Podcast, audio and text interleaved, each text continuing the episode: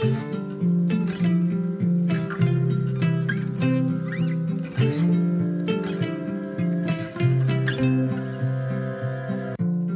och välkommen till For Health med Anna Sparre. Idag ska vi prata om saker som minne, hjärnstress, utmattning och effektivitet med den trefaldiga svenska mästaren i minne, Mattias Ribbing. Vi pratar om kostens betydelse för den mentala prestationen och dessutom så kommer Mattias bland annat att dela med sig av tips kring saker som hur du bryter dåliga vanor och hur du läser och lär dig mer effektivt. Spännande avsnitt, så missa inte det här! Om du gillar den här intervjun så blir jag jätteglad om du vill dela med dig av den på Facebook, Instagram eller till en vän. Glöm inte heller att lämna ett betyg på podden i din podcastapp. Det kan du göra genom att söka fram podden For Health med Anna Sparre med hjälp av sökfunktionen och sen välja recensioner. Och så lämnar du ditt betyg där. Ju mer du lyssnar, delar och recenserar, desto bättre går det att hålla podden levande med all gratis information och intressanta intervjupersoner. Stort tack på förhand! Glöm inte heller att du kan boka mig som föreläsare till ditt företag eller till en privat grupp. Om du är nyfiken efter avsnittet så hittar du mer information på forhealth.se. Mattias Ribbing är trefaldig svensk mästare i minne. Han är en populär författare och föreläsare som vill förändra hela Sveriges syn på lärande och mental prestation. Han har inte bara mycket kunskap om mental prestation och hjärnans funktion, utan har en bakgrund som lärare och ett stort intresse för pedagogik. Häng med idag för att få knep mot bland annat stress och dåliga vanor och lär dig saker som du inte trodde att du kunde.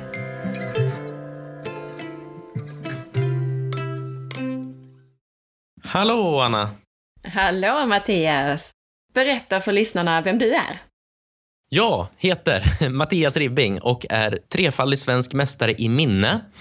Utbildar inom hjärnträning och effektivt tänkande och brinner för optimering. Hur man kan optimera sig själv, sin hjärna, sina prestationer med mätbara resultat. Jag har skrivit ett par böcker om det här och eh, ja, på den vägen är det kan man säga. Och jag hörde precis att du har en ny bok på gång. Berätta lite om den. Ja, precis. Det är väldigt intensiva tider nu. Nu ser schemat ut så att jag går upp fyra på morgnarna för att hinna rå i land det här. Det har varit väldigt intensiv tid. Eh, för att jag har skrivit en ny bok tillsammans med en matematiker som heter Per Sundin. Boken heter Fatta matte och det, vi har tagit fram ett helt nytt sätt att lära sig matematik med hjälp av att kunna tänka mycket, mycket mer effektivt istället för bara den här gamla slentrianmässiga skolning, det som vi ser i skolan eh, idag och tidigare som är så ineffektivt. Och, eh, så det är att använda den här typen av vad jag då sysslar med att tänka i bilder som är ett, en nyckel för att få hjärnan att fungera mycket, mycket mer effektivt. Det är den typen av tekniker jag har använt för att tävla i minne tidigare. Men det är också det att genom att tänka i bilder och träna sin hjärna och vänja sig att göra det som man får mycket snabbare tankehastighet, tränar upp allt från logiskt tänkande och kreativitet och liksom slår upp hjärnans dörrar på vid gavel. Så att jag har jobbat mycket med det här med att nå ut till skolor. Min förra bok handlade just om det här att hur man kan prestera mycket bättre i, i skolan om man lär sig använda sin hjärna på ett bättre sätt. Så lite i det här är jag inne i nu.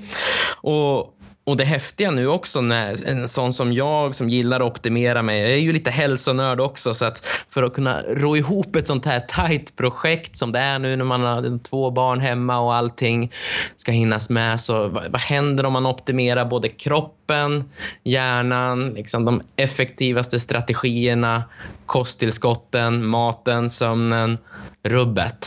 Så där är jag just nu, alltihopa på samma gång. Då kan vi börja i den änden egentligen. Hur, för det tänkte jag på när du sa att du går upp här klockan fyra på morgonen. Alltså hur, hur fixar man det? Vad gör du rent fysiskt för att fixa det? Ja, det är en, en, rad grejer. En sak som är väldigt viktig när, alltså när det gäller, jag, jag ser jag är periodare. Alltså allting handlar om perioder för mig när det gäller vanor. Jag tror att det är en viktig sak också. Allt ifrån när det gäller hur, vad, vad man sysslar med, liksom vad man eh, just under en period, hur ska man optimera just den perioden med kanske rätt mat, rätt typ av sömn, rätt vila, rätt eh, fokus och så vidare. Och en sån här intensiv period, då är det ju för mig extremt viktigt viktigt att vara noga med maten. Det är en sån grej som annars sänker den totalt. Liksom. Att kör man precis på gränsen, då måste man hålla en väldigt god kost och det är någonting jag har hållit på med väldigt, eller ganska länge sedan 2010 nu när jag verkligen insåg, då kom jag in på LCHF som sen har utvecklats till lite mer paleo, men åt det hållet hur otroligt bra det är för hjärnan och framför allt för den mentala uthålligheten, att orka hålla på att fokusera väldigt intensivt under långa dagar.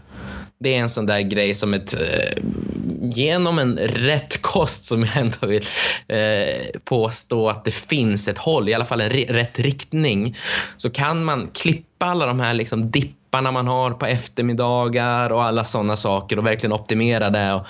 Så det är en viktig sak. Det tidigare så har jag ju verkligen mätt och lite, har en fascination för att jag vill, jag vill mäta hjärnans prestationer. Och tidigare så gjorde jag det genom, genom just minnestävlingar och då kunde jag verkligen se på resultatet och testa olika typer av uppladdningar och så vidare och vad som påverkar och så vidare. Så det, det är ett kul sätt att få det mätbart. Så det är en sak som är viktigt uh, under en sån här period. Kosttillskott, en annan som jag kör för att orka. Och sen är det ju, handlar det mycket om mental inställning, försöka sova de timmar timman man ändå har. Och sen också hur man jobbar under dagen. Ja, det finns ju massa grejer. Jag vet inte var du vill börja rota. Men vi börjar med det här med maten då. Det lät ju jättespännande. Vad, vad har du hunnit äta idag? Jag börjar ju dagen med en fet bulletproof coffee. Det är standard, särskilt när det är sån här intensiva perioder. Alltså fint kaffe med eh, MCT-olja och eh, gräsbetat smör. Och eh, för att just ladda på rätt sätt, inte ge kroppen varken kolhydrater eller protein på morgonen. Jag gillar verkligen det. Ibland kan jag köra under period, då kan jag köra med, med protein också i den där kollagenprotein som jag svarar väldigt, väldigt fint på. Men överhuvudtaget att få med sig att liksom lite grann hacka den här energin som finns i den här fastan vi upplever när vi sover, att dra ut på den lite längre, få med sig energi när dagen startar och sen blir det ändå en näve olika piller och såna här bitar på morgonen. Så, det, så startar jag, jajamensan. Vad är det då för tillskott som du tar? Eller några exempel? Ja, de viktigaste skulle jag vilja säga är omega-3, en, ur bra kvalitet. Inte kapslar. Alltså kapslar omega-3, det ska man vara riktigt försiktig med. Man kan ju alltid testa att bita på en kapsel och se ofta stinker det ju apa. Det är för att det liksom härsknar i de där kapslarna. Så det ska ju helst vara färskt blandat i en högkvalitativ olivolja, vilket har visat att eh, det bästa sättet, det är till och med bättre än ren fiskolja med mycket omega-3 för att det, det, det, behålls bättre i en, i en bra olivolja. Där, så den har vi. Sen har vi ju D-vitamin, magnesium på kvällen, och sen kör jag lite såna här olika som kallas för stackar, kombinationer av ämnen. Siltep är en sån stack som jag verkligen gillar. Det blir för mycket att gå in på detaljerna hur den funkar, men det är ett bra sätt för hjärnan att kunna fokusera och få de här extra boosterna. Eh, och, och så eh, oxalättiksyra, en annan väldigt bra, ganska okänd eh, boostare. Och där blev jag nyfiken, för det, det kände jag faktiskt inte till. Det får du berätta. Varför tar man det? Oxalättiksyra, den har visat att öka eh, aktiviteten i mitokondrierna på något vis.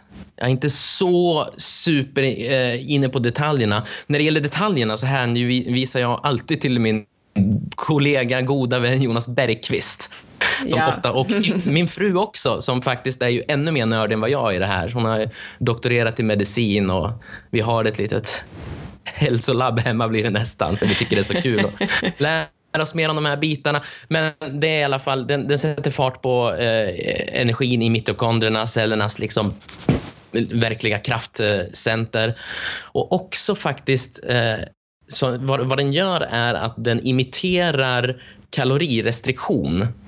Vilket är intressant, för det får en att, eh, att kroppen att tända till, att jobba liksom på och eh, jobba effektivare utan att man faktiskt utsätts för det. Så det är en, en spännande grej. Vad har du märkt för skillnader då, om vi tänker på minnet, jämfört med hur du åt innan?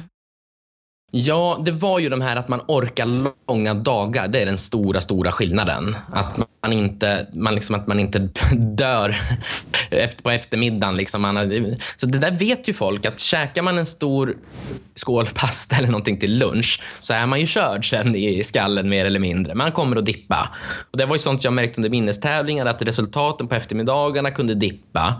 Och då försöker man åt andra hållet istället. Ja, men om jag äter någon liten, liten, liten torftig sallad, men då blir man hungrig istället. Så det är inte heller bra för fokus. Man måste hitta ett sätt att hålla en jämn, att dels förbli mätt, men också samtidigt hålla en stabil blodsockerkurva och hålla så att inte den liksom pikar upp och ner hela tiden. För det är sånt som fuckar upp ens koncentration på alla sätt och vis. Vad anser du om eh, skolmaten då, baserat på det du säger? Aj, aj, aj, ja. Jag har ju varit ute väldigt mycket i skolorna, jag har jobbat med skolungdomar och det var liksom så här klassiskt. Man kunde hamna bredvid en skolelev, tittade på tallriken, det var något tillfälle såg jag liksom bara ett, ett vitt lager av makaroner, eh, lättmjölk till och, liksom ett, och, lite, och röd ketchup i stark kontrast till det här. Ett vitt bröd till med knappt någonting på och that's it. Och det ska den här eleven klara sig på en hel dag. Så då, aj, aj, det smärtar ju i en verkligen, mm. när man ser sådana saker. Så. Jag har ju själv barn, så det känns som en viktig sak att försöka liksom ge hemifrån ändå. När man är hemma och man har liksom valmöjlighet att ha bra grejer hemma och ge en, ge en bra grund. Hur funkar det att tävla i minne? Det är en slags tiokamp där vi får utmanas, och det finns över hela världen, eh, och vi utmanas då i att ta in tio olika typer av information så att man ska liksom lära sig ta in så effektivt som möjligt. Det kan vara siffror, det kan vara bilder, det kan vara ljud, ord, text. Att liksom man ska kunna hantera all typ av information så effektivt det bara går. Och jag då som har bland annat uppnått den här internationella titeln stormästare, som är specifika grader som man behöver uppnå. Då ett sånt kriterier är till exempel när det gäller siffror. Då får vi titta på en samling slumpmässiga siffror, en, liksom en oändlig radda, men vi får titta på det här i en timme. Sen får vi ett tomt papper framför oss och en penna och sen gäller det att skriva ner och exakt som om man kommer ihåg i rätt ordning. Och minsta felet, luckan, så får man massa avdrag. Men för att bli stormästare så måste man kunna skriva ner då exakt ordning på åtminstone tusen siffror i, i rätt ordning efter den här tiden. Oh, wow. Så det är ett sånt litet exempel. Eh, och för det här måste man liksom ladda med alla typer av strategier. Och om vi går tillbaka och liksom tar oss igenom en dag där, okej, okay, vi har börjat med att liksom käka bra, man, har liksom, man gör det man kan för att optimera hårdvaran. Träning är också jättebra, men sådana här tillfällen, det finns inte ens tid för mig att träna, för jag måste vara på kontoret kvart i fem och komma igång nu för att hinna under de här eh, perioderna. Men då har jag i alla fall gjort, det, och det är ju så att tränar man, då behöver man inte vara så strikt på maten. Eftersom jag tränar extremt lite när jag jobbar väldigt mycket, då måste jag vara super superstrikt på maten istället. Så det, och jag skulle ju verkligen behöva komma igång med tränandet bättre, så där har jag utveckling eh, kvar att genomföra. Men när, vi sen, när man sen då kommer igång och jobbar under en dag så är det så otroligt viktigt hur man hanterar sitt fokus. För det är också en enorm energi tjuv kan det vara, eller det kan också vara ett eh, energitillskott. För grejen är att när det ser ut som det gör i dagens informations klimat där vi liksom verkligen överöses av information konstant så har det inte sett ut tidigare. Utan det är ju, nu bombarderas vi från alla håll liksom med specialskräddarsydd information som hela tiden är tillverkad just för att fånga vår uppmärksamhet och dra i den så effektivt det bara går. Vi måste numera ha en strategi för att kunna hantera informationen runt omkring oss. Annars suger den ut energi från oss. Och Det där är intressant att se paralleller till kroppen också. Att Det ser ju likadant ut om man tittar i livsmedelsaffären. Vi överöses av olika av mängder av typer av mat, massa olika dietråd, massor av olika grejer. Och Man kan inte liksom ta till sig och äta varmt, utan man måste ha en strategi där också. Det behövde vi kanske inte tidigare när det liksom inte fanns tusen olika grejer och en massa skitmat som är gjord bara för att liksom sätta igång våra smaklökar och trigga behov och alla de här bitarna. Så att man behöver en bra strategi då och det här är liksom, det måste man vänja sig vid och det är så supertydligt när det gäller hjärnan. För att kunna hålla då ett fokus och den strategin man behöver är att man måste lära sig att tillfälligt stänga av grejer. Det är det absolut viktigaste för att på sikt undvika att slita sönder av stress, gå in i väggen, sådana här saker och att inte försöka hålla många bollar i luften samtidigt. Så att det här finns det liksom olika olika sätt att jobba med och det är otroligt viktigt. För när vi, när vi slits fram och tillbaka mellan tusen olika saker och vi är hela tiden tillgänglig för alla, all, varenda mail är vi på direkt när det plingar i inboxen, vi finns där för alla medarbetare hela tiden, då efter en sån dag så går man hem helt uttömd, helt trött.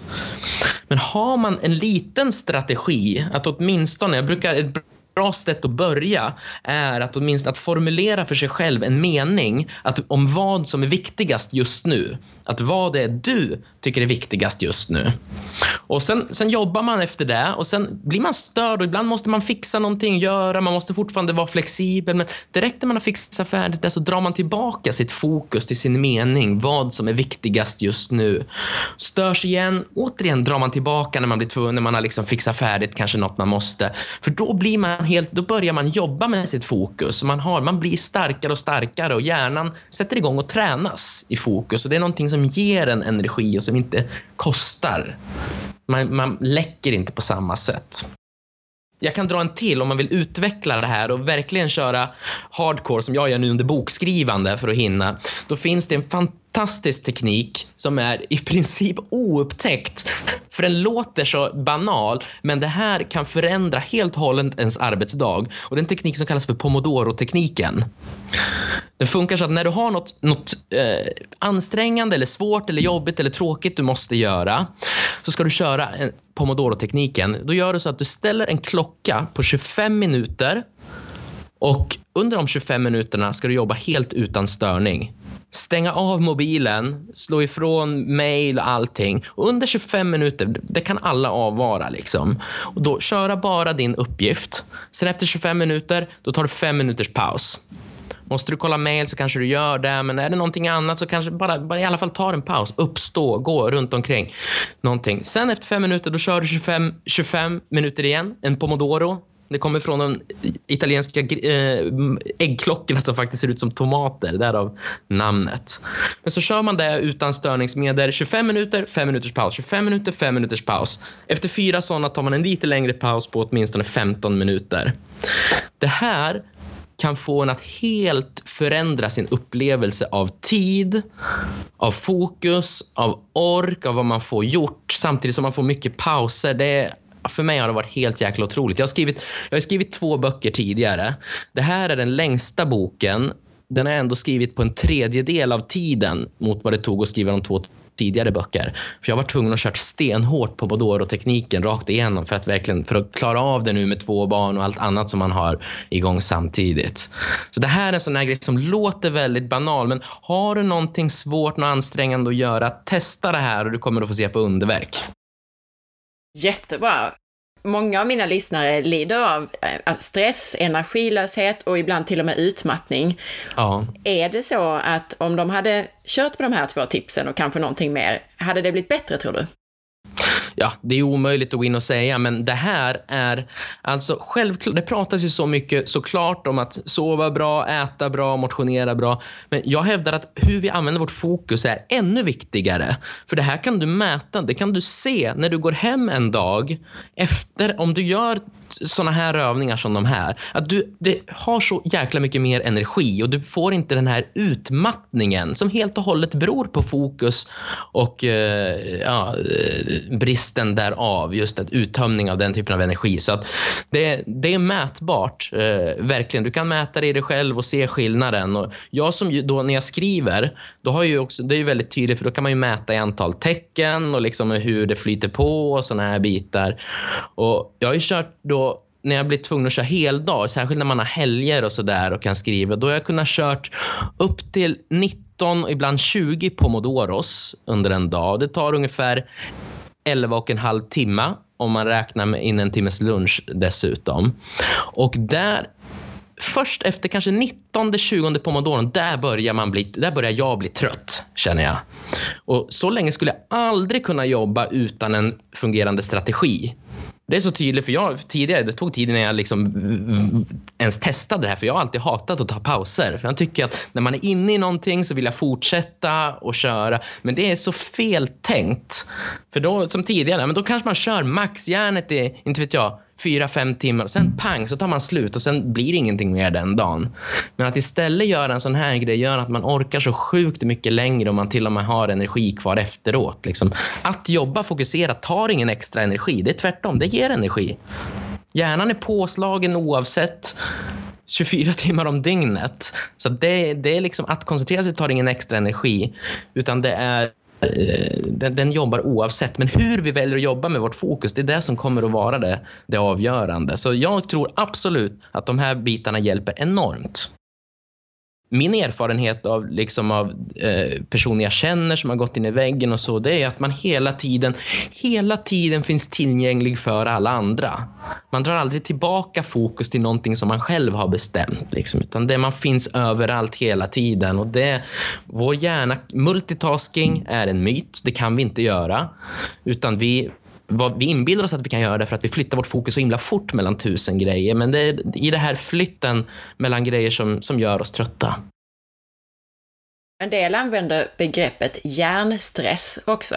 Är det det här det innebär, att man, inte, att man tappar fokus och att är, man har så mycket input? Är det hjärnstress, ja, eller vad är det? Jajamensan. Att, att, det är det som är grejen. Att kunna stänga av, det kommer att bli en allt större framgångsfaktor i framtiden. Eftersom vi har ett sånt intensivt informationsklimat. Vi har inte behövt det tidigare, men nu må, de som blir vassa på att tillfälligt kunna stänga av saker, de kommer att lyckas bättre, inte bara i karriären och sådana saker, utan också i familjen, relationer, förhållande.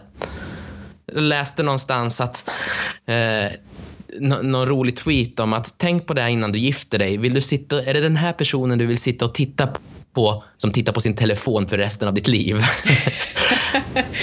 så där kan man också ta till, när det gäller att stänga av grejer, där kan man ta till drastiska medel också, eh, vilket jag har utforskat. Själv då, som jag, jag har Mac, att använda gratisprogrammet Self Control är magiskt.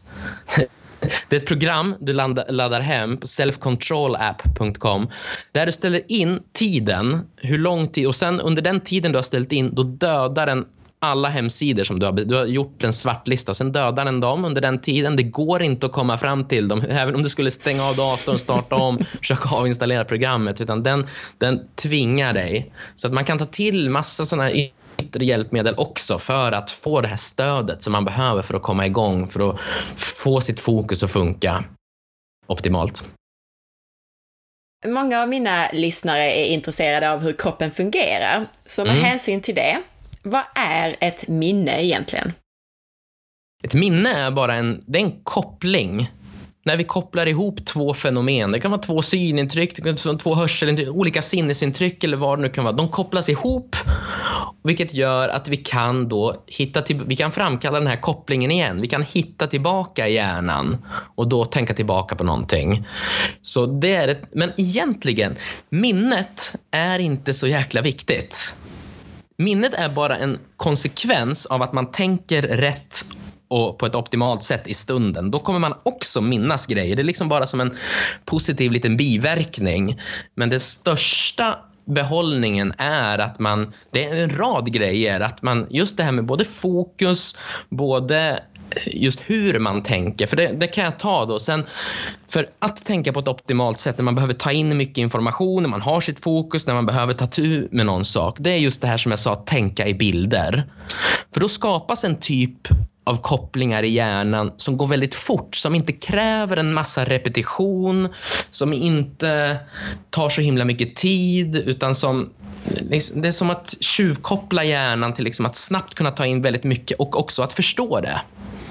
Att medvetet tänka i bilder, det är som att eh, skapa, man gör konstgjorda upplevelser. du vet att om man, har, om man har varit upplevt någonting, då minns man är ju superbra och framförallt så förstår man det man har gjort. Låt oss säga att man har varit med och bestigit ett berg eller någonting. Bara att, ha haft en upplevelse så lär man sig massa saker om naturen, om utrustning, om teknik och klimat. Allt möjligt lär man sig. Men nu är det så att så mycket som vi måste ta in idag, vi kan inte uppleva allting, men då kan man skapa en konstgjord upplevelse och det gör man genom att tänka i bilder då lurar man hjärnan och liksom, så att det blir något väldigt tydligt för den som den kan just då hitta tillbaka till. Och massa saker kopplas, knyts automatiskt kring den här bilden när man lyckas föreställa sig någonting. Så det är ett sätt att lura hjärnan att snabbt kunna ta in ta in väldigt mycket och också att förstå det. Att kunna tänka kring det. Det är liksom inte att lära sig rabbla saker. Liksom. Det kan låta fånigt och det är ganska fånigt i minnestävlingar med siffror och såna saker. Det är meningslös information. Men principen är densamma. Där har ju alla, trä- alla som tävlar i minne har ju tränat sig att tänka i bilder. För det är enda sättet som hjärnan kan ta in så mycket som behövs. Men det här kan vi använda i vår vardag när vi vill ta in ny förståelse, när vi liksom vill, istället för att uppleva, man kan inte uppleva allt, men då kan man göra en sån här snabb eh, grej. Det, för att göra det till en konkret övning, då kan du tänka så här att om du läser en text, så försök att föreställa dig en bild per sida. Det, kan, det, kan, det funkar på även abstrakta saker. Låt oss säga att du läser en tråkig ekonomirapport, eller jag vet inte vad man nu kanske läser på jobbet i normala fall. Man läser en ekonomirapport, börjar, och samtidigt som man läser text, då väljer man en bild bara direkt. Låt oss säga en säck med pengar. Så att man verkligen försöker se den här säcken med pengar framför sig. Sen under tiden man läser så försöker man komma tillbaka till den här bilden. Då då, nästan ser den stort framför sig, nästan tredimensionellt, som att den fanns där i rummet framför en. Så kommer man tillbaka till den här då och då under tiden man läser. Sen kommer man till nästa sida och den fortsätter om ekonomi. Ja, då väljer jag en annan bild. Kanske tar en, en eh, för att ta någonting.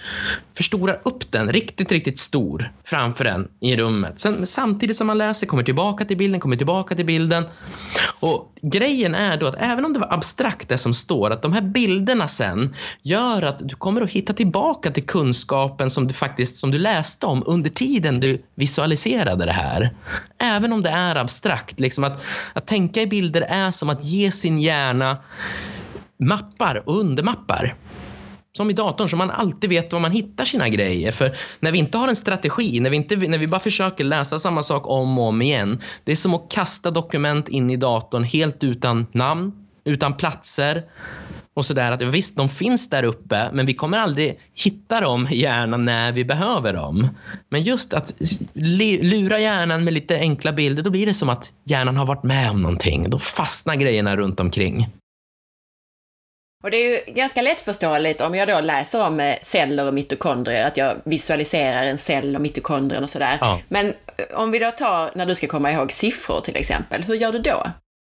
Då har jag, siffror är det svåraste som finns för hjärnan, för de är så pass abstrakta men samtidigt exakta. Eh, så grejen där är att få träna in så att jag har en fast bild för alla siffror upp till 100. För mig är citron är siffran, eh, eller, siffran 92, det är bilden av en citron. Så, vidare. så jag har tränat in en massa bilder som jag, det har jag övat. Jag skulle kunnat valt vilka bilder som helst, för vi, men en fast bild tog ett par veckor att träna in. Så att nu, så fort även när man ska ta in mycket siffror så kan jag göra det väldigt exakt. För då dyker upp de här bilderna, då kan jag koppla ihop dem specifikt med andra bilder.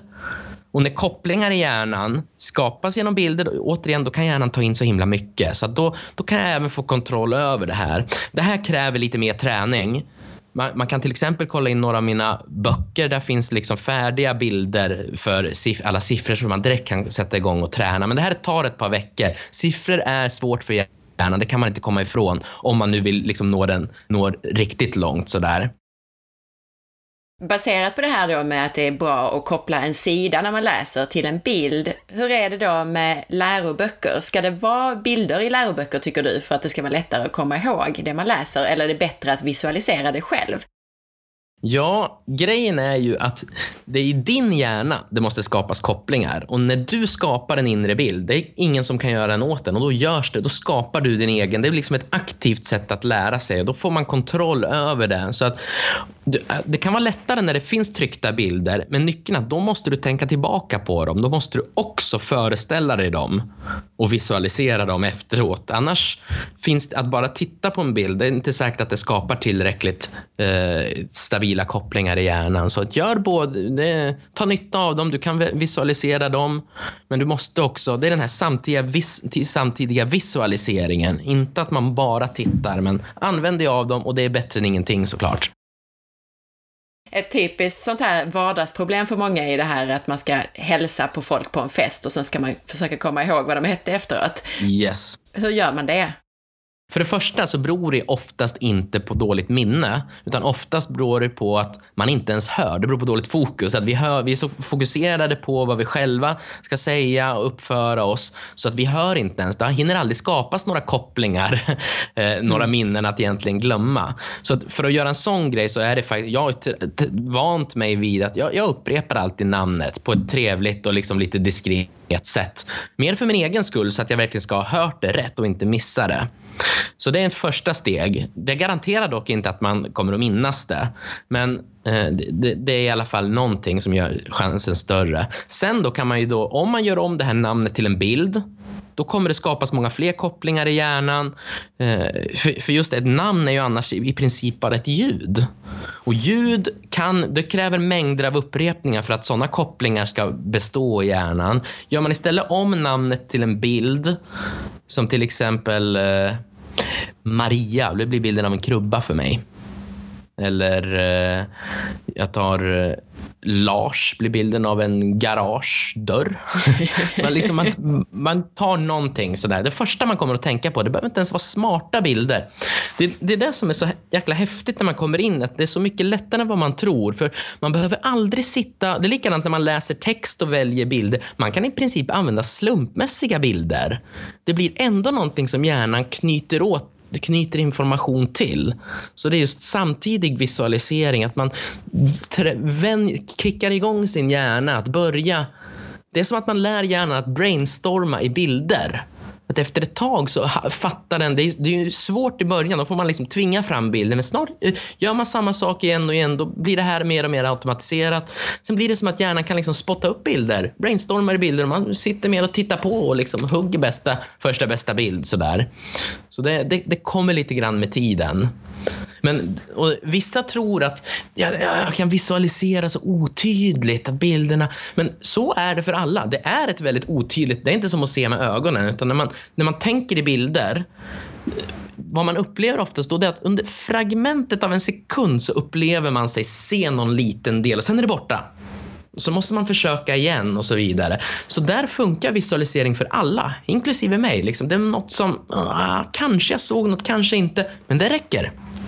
Så funkar det för alla och det räcker för att skapa de här viktiga kopplingarna i hjärnan vi behöver för att kunna få kontroll över kunskapen och sen då, för att då kunna hitta tillbaka till den. Och då till exempel med namn. Det är också för att plugga mina böcker där. där I min första bok så får man färdiga bilder för de 40 vanligaste namnen. Så att man har liksom färdiga bilder man kan använda för 1,2 miljoner människor runt omkring en. Så då, då går det jättefort.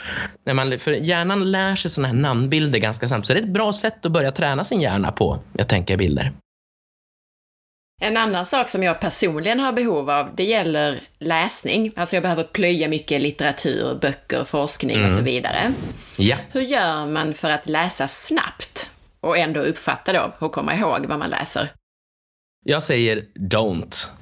Alltså det är, du lägger, genom att läsa lite fortare än vad du kan, då lägger du allt fokus på själva läsningen. Du lägger mindre fokus hamnar på processandet, på förståelsen, på kunskapen. Eh, så att det, det liksom, jag har alltid principen att jag läser, jag läser till och med hellre lite långsammare om jag får full kontroll på det jag har läst. Det är så himla mycket mer värt, skulle jag säga. Så att fokusera på att behålla din läshastighet som du redan har och känner dig bekväm bekväm med och lägg till förmågan att tänka i bilder.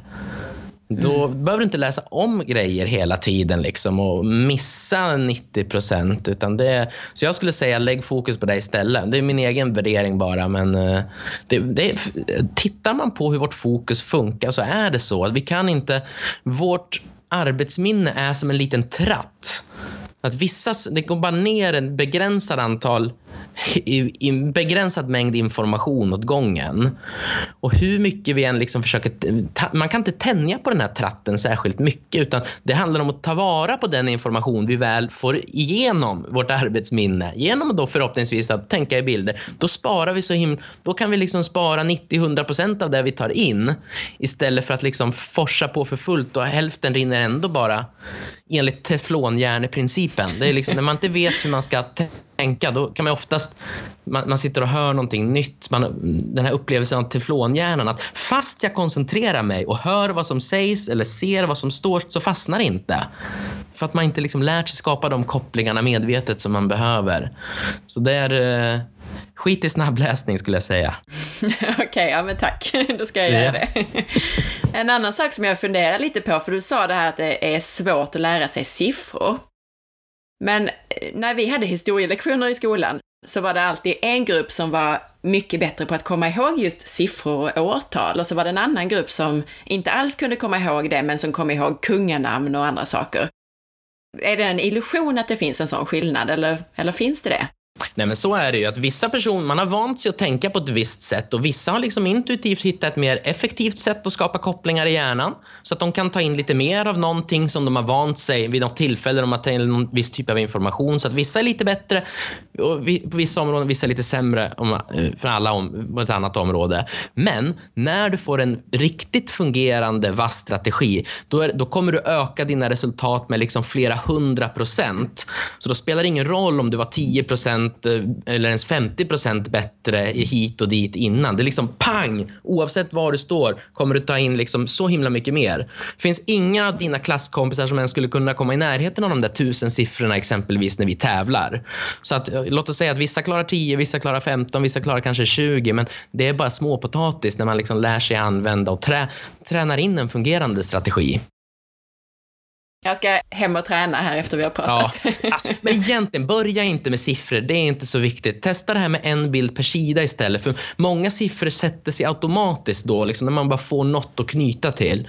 Man man behöver inte vara, börja liksom så jäkla perfekt, utan det får igång den här grunden. Och det är ett perfekt sätt att träna. En bild per sida. Och det ska aldrig vara svårt att komma på en bild. Du kan till och med använda slumpmässiga bilder, som jag sa. Så att bara för, samt, för nu, jag vill ju få dig och, och lyssnarna att liksom direkt få känna på en smak av det här. Att det faktiskt går att höja sina resultat direkt utan att träna ihjäl sig. Liksom. Man behöver inte kunna tekniker, minnestekniker exakt och sådär, utan det går att snabbt få en skjuts uppåt. Och Sen kan man ju såklart fördjupa sig ännu mer när man märker oj vad häftigt att jag har ju verkligen nytta av det här. Ett annat ämne som många av mina lyssnare är intresserade av är vanor och framförallt hur man gör sig av med sina dåliga vanor. Superintressant. Varför är det så svårt att ändra på sina dåliga vanor? Alltså återigen, kopplingar i hjärnan. Och vi kan ju prata, alltså vanor är egentligen minnen. Det är minnen som vi har skapat, för vi skapar ju minnen med alla våra olika, med våra sinnen. Så att det är liksom allt från, liksom, vi lär oss var eh, lysknappen sitter på väggen, programmeras in i kroppen eh, och eh, även liksom, vi agerar på ett sätt vid ett visst tillfälle. Stimulus respons, det är så alla våra minnen triggas. Så att de felaktiga kopplingar som vi har återskapat gång på gång på gång på gång. Det är, liksom, det är minnen kan man säga då, som man verkligen minns supermycket och kan inte glömma. Det är de här dåliga vanorna egentligen. Så då behöver vi skriva över dem med nya kopplingar. Det är, liksom, det är en sån klassisk sak att hur, ska jag, hur kan jag göra för att glömma det här? Du kan inte göra så, för varje gång du försöker glömma någonting så tänk, det är som att säga tänk inte på en blå elefant. Tänk inte på den. Det, det är omöjligt. Istället måste du fokusera på någonting nytt. Som, eh, ja, men som det var någon som sa liksom att hur ska jag kunna glömma min gamla olyckliga kärlek till exempel. Ja, det är inte att det finns inget trick för att glömma den. Det enda är att fokusera på någonting nytt och skriva över de kopplingarna med. Kanske träffa en annan person. Då kommer liksom glömskan ske av sig självt.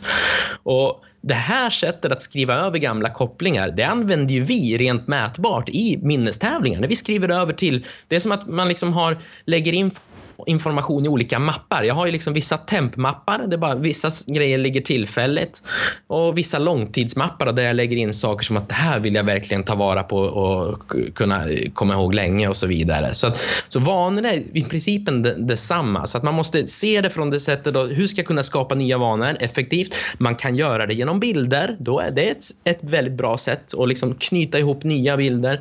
Men, men även här har jag experimenterat på en rad olika sätt. Senast har jag vant, jag ville vänja mig av med en vana att äta att käka grejer på kvällen efter jag nattat barnen.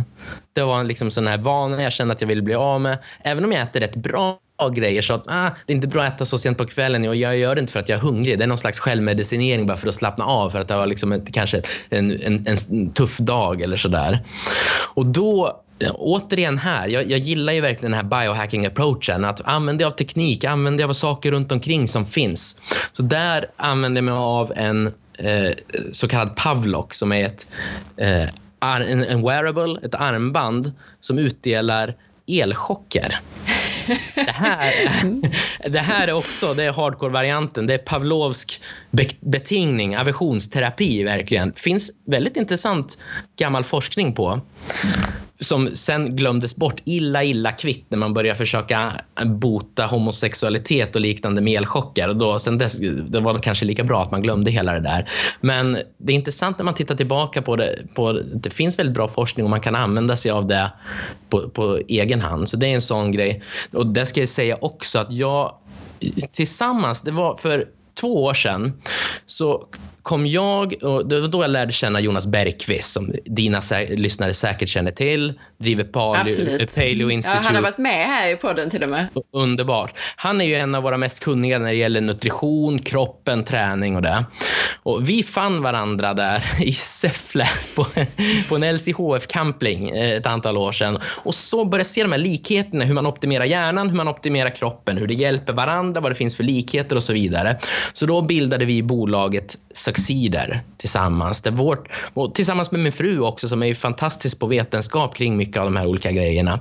Och där ville vi se att hur kan jag optimera både mjukvaran och hårdvaran av kroppen. Så då ville vi, dels så försöker vi ta in all liksom senast inom optimering, inom biohacking. Ta hit till Sverige produkter som annars är svåra att importera. Få ut den senaste kunskapen, nyaste studierna och allting det här som kommer både när det gäller hjärna och när det gäller kropp. Och anledningen till att jag berättar det här är för att just Pavlok är ju ett, också ett företag som vi samarbetar med. Vi samarbetar med en rad amerikanska företag som just eh, Bulletproof och, och eh, Pavlok till exempel för att få hit de här grejerna. Så att vi, man kan ju läsa läsa mer om de här bitarna finns på succeeder.se så eh, vet ni att jag är inblandad på alla möjliga sätt i, i allt möjligt. Vilket är väldigt kul, för det är också, det här är lätt till att, eh, att, liksom att få de här internationella kontakterna och träffa, vara ute, vara ute på de här på amerikanska konferenser, se liksom de allra senaste grejerna. Det, är liksom, det ger så himla mycket ny input i hur man själv kan ta sitt självexperimenterande vidare och se och testa nya olika approacher, se vad som verkligen eh, vad som händer. Och, så jag kommer faktiskt nu i, i september blir det för tredje året i rad som jag och eh, föreläser då på en stor eh, biohacking-konferens i Los Angeles som hålls av, av Bulletproof-gänget bakom den här liksom kaffe-hypen. Så det, det, är superspännande att se och vara ute och vara delaktig. Det finns så, så, I Sverige har vi en tendens att liksom, man nördar in sig på sina små, små, små viktiga frågor. Liksom den här eviga kostdebatten som fram och tillbaka Alltså det är så jäkla tröttsamt. Jag orkar inte med det där längre. Eh, jag vet vad som funkar för mig och jag vill liksom fortsätta. Jag vill inte stanna och stå och stampa i samma gyttjepöl år ut och år in. Men det är väl bara jag som... Eh, det är viktigt. Alltså de som verkligen gör det, det är sjukt viktigt att ta de bollarna också. Men jag är alldeles för otålig. Jag vill hela tiden jag vill se vad som, hur kan jag finslipa, hur kan jag gå vidare, hur kan jag liksom tweaka? Det finns ju inte en exakt grej som stämmer för alla. Så man är, både när det gäller... Man är, det finns en riktning, skulle jag säga, som stämmer för alla. Både när det gäller vår, hur vår hjärna är uppbyggd rent strukturmässigt och hur vår kropp, liksom, tittar man tillbaka på evolutionen, vad är det för typ av kost till exempel som har tagit oss så långt som vi faktiskt har kommit med den här otroliga hjärnan, otroliga förutsättningarna vi har. Ja, det var definitivt inte läsk och godis och grejer, utan det var inte heller lightprodukter. Det var inte så man tänkte när man var ute liksom på savannen och försökte, utan det ge mig fettet som jag kan ha. Det är liksom näringstät. Det är helt sjukt att man, när det gäller kost, att man inte vill ha näringstät kost. Liksom att man tar bort maten ur maten. Jag vill ju ha så mycket mat som det bara går. Så liksom bra. Eh, inte liksom eh, en massa industritillverkad eh, skit. Så det finns en riktning som stämmer för alla. Men sen är man ju så himla olika känslig för olika grejer. Beroende på hur mycket man tränar till exempel. Eller andra variationer som finns beroende på liksom, bakterieflora i magen och såna här bitar som är superspännande. Så behöver något som kan vara rena kryptoniten för en person kan någon annan hantera ganska bra liksom, om andra parametrar stämmer in. Så man kan inte komma ifrån det här.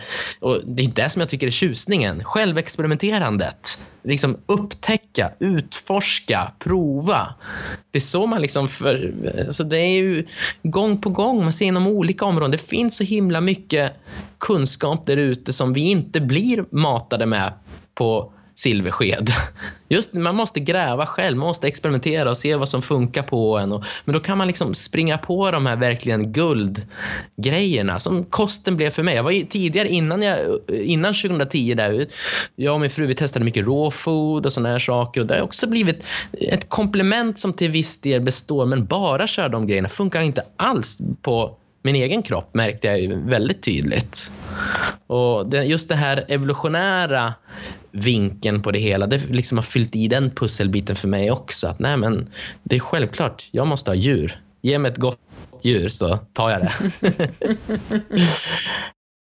Men hur gick det med din vana där då, med kvällsätandet? Ja, Vad hände? precis. Så då, det är ganska roligt med den här. Jag gav mig själv elchock. Det, för det är så jäkla intressant att man ska, att man ska inte använda sin viljestyrka det är, det är, man ska, för, vill man förändra någonting, vill man göra någonting, undvik att använda din viljestyrka. Som med den här el, eh, aversionsterapin, eller vad man ska kalla det för, med elchocker.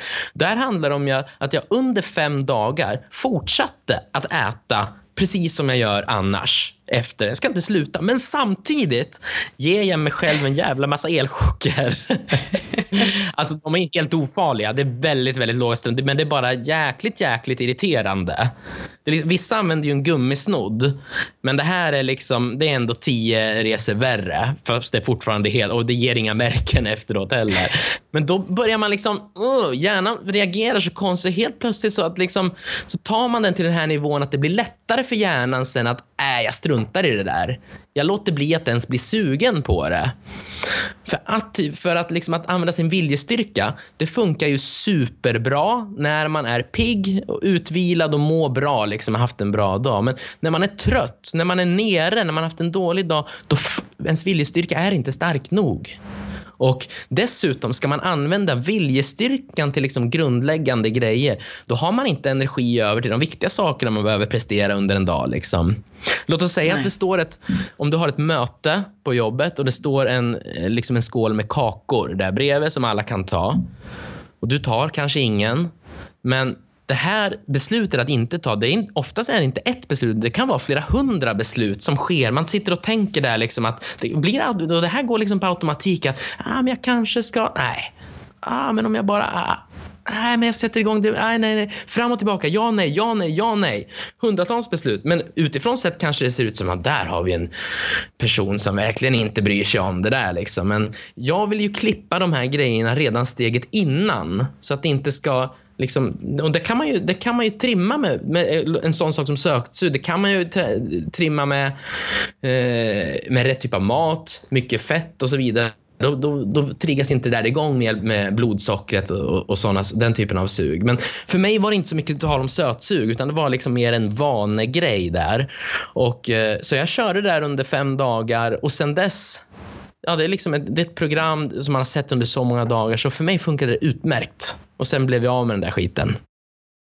Så nu äter du inte på kvällarna längre då? Nej, ja, jag äter på kvällarna, jag äter på... Men just efter nattning, det är sådär att ja, i alla fall, det, det behövs inte egentligen. Det är någonting annat.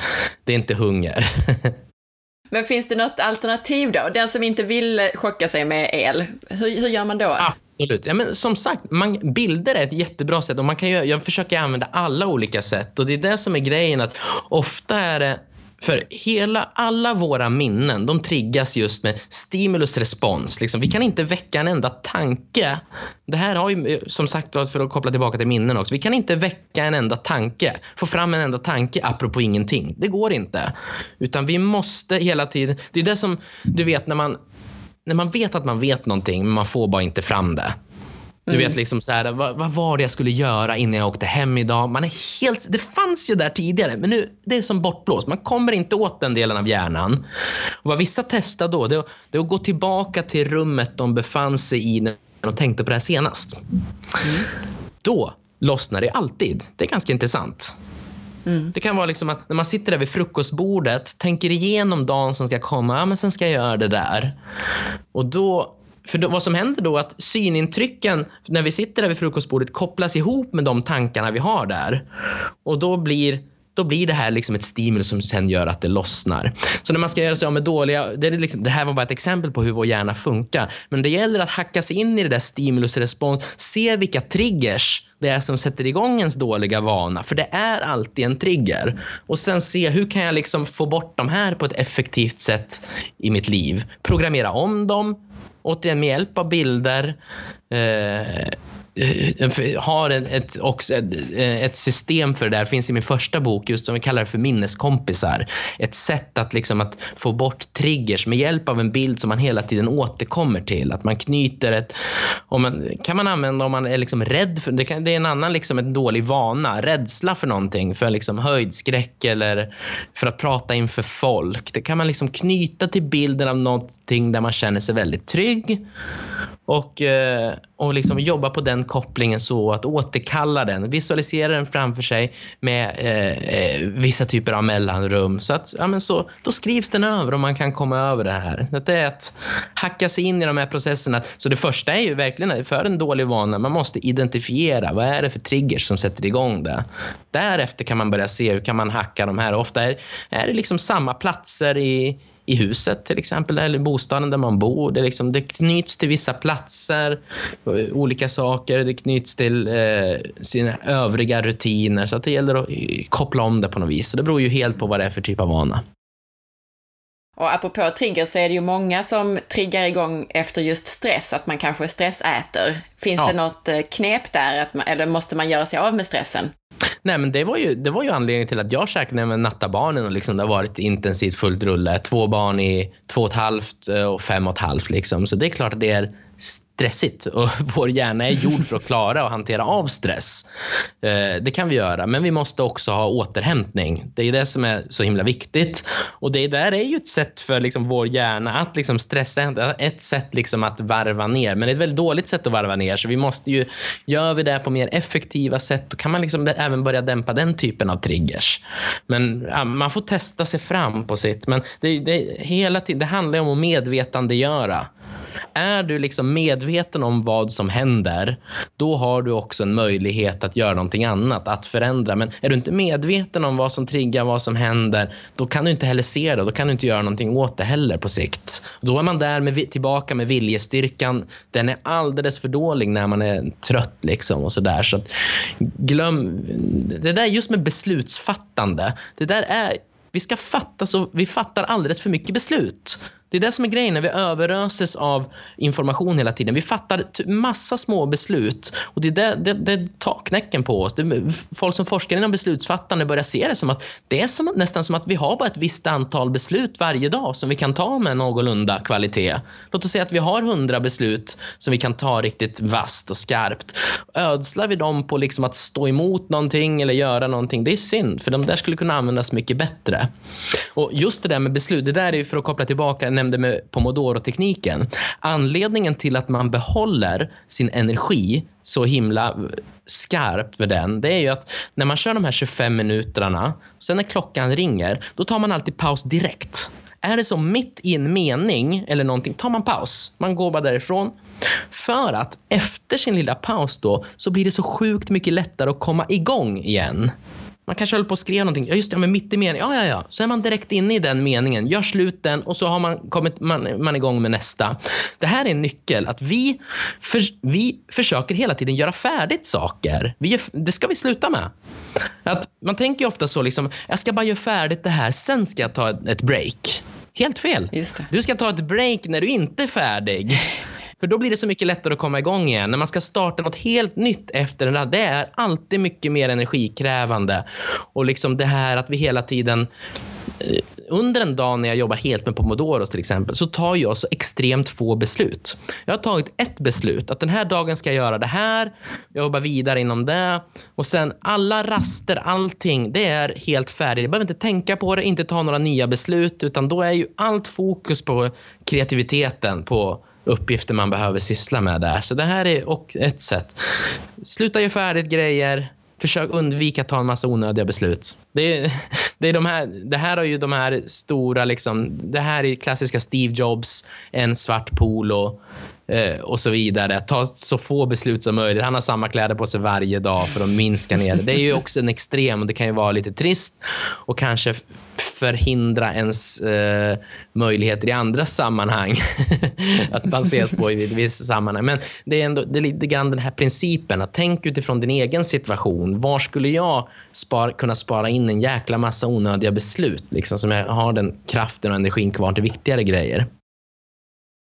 Ett bra exempel på det är, vi har pratat en del här i podden om att man aldrig bara ska öppna skafferiet utan att ha beslutat sig för innan i förväg vad man ska ta. För att annars har man ju tagit alla de där hundra besluten bara genom att ha öppnat skafferiet. Ja, Verkligen. Och det där var så kul när jag körde med elchocker. Alltså, jag, jag trodde det skulle bli en pest och pina de här fem dagarna, men det var faktiskt riktigt underhållande. Så jag gjorde, försökte göra precis som jag alltid gör, men samtidigt ge mig själv elchock. Så precis, samtidigt som jag öppnade kylen, aj, aj, aj, aj, aj, aj, aj. Eh, sträckte in handen kanske efter ost, aj, aj, aj, aj, aj precis då. Så det liksom där, eh, så det, egentligen är det bara ett sätt att verkligen medvetandegöra alla de här små sakerna som bara går på automatik. Och det är ju vad, det hela handlar om. Att liksom att, absolut, vad intressant. Ett annat ämne som en del lyssnare här är intresserade av är demens. Och att använda hjärnan sägs ju vara ett bra sätt att förebygga demens. Har du några tips? Ja, och Alltså man kan, det, det, går inte att uttala sig så där direkt, men vad jag kan säga är att som till exempel den här typen av aktiv hjärnträning att som, som man direkt dessutom har nytta av. Liksom. Hela det här att eh, medvetandegöra, att tänka i bilder. Det, när jag hade skrivit min första bok eh, så fackgranskades den, den av ett forskarlag på minnesmottagningen på Salgrenska. Där under ledning av en Anders Wallin, hans forskarlag. Och han just forskar på rehabilitering av Alzheimers patienter. Och han blev väldigt nyfiken på det här just utifrån sin aspekt också. Att det här, han trodde det här skulle kunna vara en viktig nyckel för att det måste ju finnas någonting man kan göra också som komplement till mediciner, andra grejer och forskning som pågår och så vidare. Men man får inte glömma bort det här. Liksom, vår hjärna förändrar sig utifrån hur vi använder den. Mm. Hjärnan är väldigt plastisk. Den, den, den kan utarbeta helt eh, eh, nya aspekter av sig själv beroende på hur vi börjar träna. Så det måste ju finnas någonting man kan göra. Och Det här är ju ett otroligt effektivt sätt att använda hjärnan. Det finns i princip inget så... Och sen göra kopplingen däremellan. Använda hjärnan på ett så effektivt sätt du bara kan och det måste finnas någonting man kan göra för att... Eh, jag, jag, kan inte utlova någonting, men eh, saker och ting tycks ju ändå ha en viss logik. Så att egentligen fortsätta läsa och att träna på just de här bitarna ju äldre man blir eh, kanske är viktigare då? Ja, absolut. Och det, det, det, det mätbara aspekten är att man har ju he dessutom hela tiden nytta i det man gör. Och det kräver ingen extra tid. Om du ändå läser en massa medicinska studier, om du samtidigt tänker en bild per sida, det, det blir ingen extra tid, utan du får ju hjärnträningen på köpet. Likadant när man tränar in, liksom, jobbar med namn och ansikte med personer man ändå träffar, saker man ändå läser. Då får man den här minnesträningen också. Och det här är så himla mycket bättre än att spela sudoku eller eh, något visst dataspel som sägs. Det här är ju ett sätt att du får resultat direkt och att du använder hjärnan riktigt effektivt och tränar den samtidigt. Sudoku kanske man kan köra för att man tycker det är kul, men tro inte att den hjärnträningen kommer förändra andra aspekter av ditt liv. Det är forskningen ytterst skeptisk till. Jättebra. Massor med aha-upplevelser och igenkännelser i det du har sagt här idag tycker jag, Mattias. Det var jätte, jätteroligt. Om man vill veta mer om dig, hur gör man då? Mattiasribbing.se. Jag har ju också en podcast som mm. eh, man kan lyssna på och titta på. För Jag filmar också alla avsnitt. Finns på Youtube. Så kolla in den. Eh, ny säsong kommer igång i augusti. Jag har haft lite en säsongspaus här för bokskrivandet. Men det kommer mer häftiga grejer där. Och kolla in de eh, avsnitten. Jag har mycket diskussioner med folk eh, fortfarande. Så jag har försökt göra ganska tidlösa avsnitt som man ska ha praktisk nytta av för att använda hjärnan och kroppen bättre. Ta gärna kontakt med mig på sociala medier. Facebook, Twitter, Instagram. vore eh, jättekul att connecta där. Sen vill jag bara tipsa om att verkligen kolla in Jonas Bergqvist ännu mera. Den mannen öppnar hela tiden nya aspekter i. Och det är så häftigt vad, vad, vad kul det är att jobba tillsammans med honom. För hur vi lär oss av varandra, eller jag lär mig i alla fall extremt mycket av honom. Han fick mig nu att prova på långtidsfasta. Det var en sån här grej som jag aldrig trodde riktigt var möjlig och inte för mig. Men man inser vilka, alltså att, vilket ramverk ens egna tankar sätter upp för sig själv om vad som är möjligt och vad som inte är möjligt. Och liksom det som går utanför det här ramverket, det kan vi inte föreställa oss. Det, så det kommer vi aldrig kunna eh, erfara heller. Jag fick höra honom berätta om, eh, under en kvart om långtidsfasta. Och helt plötsligt så då var det inte ett dugg, det var inte ens jobbigt att köra liksom två dygns helfasta som jag började att testa med. Utan det var ju, gav ju fantastiska grejer. Men det, just det här med att utforska det okända, det är ah, det är på något sätt livskvalitet. Det är det som får, för mig i alla fall, för det som är så himla spännande. Fortsätt lära sig nya saker och, och eh, utforska gränsen till det okända. Där vill man ta sig riktigt långt. Man har inte tid att vänta på forskning. Forskning är så himla lång. I alla fall inte jag. Jag har inte tid om att allt jag provar ska vara belagt i dubbelrandomiserade, blinda studier, belagd interventionsstudier på alla sätt. Annars vägrar jag testa det. Jaha, okej, okay, men ja, då får du vänta ett par hundra år också i vissa fall säkert. Experimentera på dig själv och lär dig lyssna på din egen kropp och, och, och ha kul doing it. En äkta biohacker, härligt. Är det någonting vi har missat här idag, Mattias? Som sagt, jag brinner för ungdomar, att man ska få med sig... Man bör, när det gäller ungdomar ska man inte hålla på med allt för extrema saker. Inga elchocker på era kids, lova det. Men när det gäller att tänka effektivt i bilder, det är helt ofarligt. Och det hjälper folk i skolan hela tiden. Så att jag, just min bok som riktar sig till skolungdomar. Som förälder kan man verkligen få ett helt nya redskap och hjälpa sina barn när det gäller läxorna. Eller börjar man få barn som är uppe i högstadiegymnasiet, sätt boken i handen på dem så löser det en hel del grejer. För det här är inte, det är inte svårt, det är till och med roligt. Liksom. Allt det här, det är liksom en... Man, man kan göra saker så himla mer effektivt. Men det är därför, att knyta tillbaka till att runda av här, att vi, idag har vi så, sånt informationsklimat. Vi behöver en strategi för att kunna... Liksom, det finns inte bara längre en sak att välja på som det tidigare gjorde. Vi behöver en eh, strategi både för hur vi ska hantera vår hårdvara, kroppen och för hur vi ska hantera information och vår hjärna så bra som möjligt. Tack snälla för att du tog dig tid att vara med idag. Tusen tack, jätteroligt att få vara med.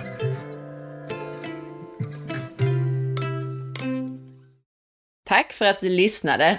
Du som blev intresserad av att lyssna på Jonas Bergqvist kan göra det i avsnitt 38. Där pratar jag och Jonas bland annat om hur man optimerar sin träning och kost vid träning. Vi pratar om fasta och en hel del annat. Och jag hoppas att du gillade den här intervjun med Mattias Ribbing. Gjorde du det, så dela med dig av avsnittet, dela på Facebook, tipsa en vän och sprid så att fler får ta del av det. Missa inte heller att följa med på facebook.com forhealth.se och på Instagram via signaturen asparre. Gå gärna in i iTunes och lämna ditt betyg. och titta in på bloggen på forhealth.se. Ha en härlig dag så hörs vi snart igen. Hejdå!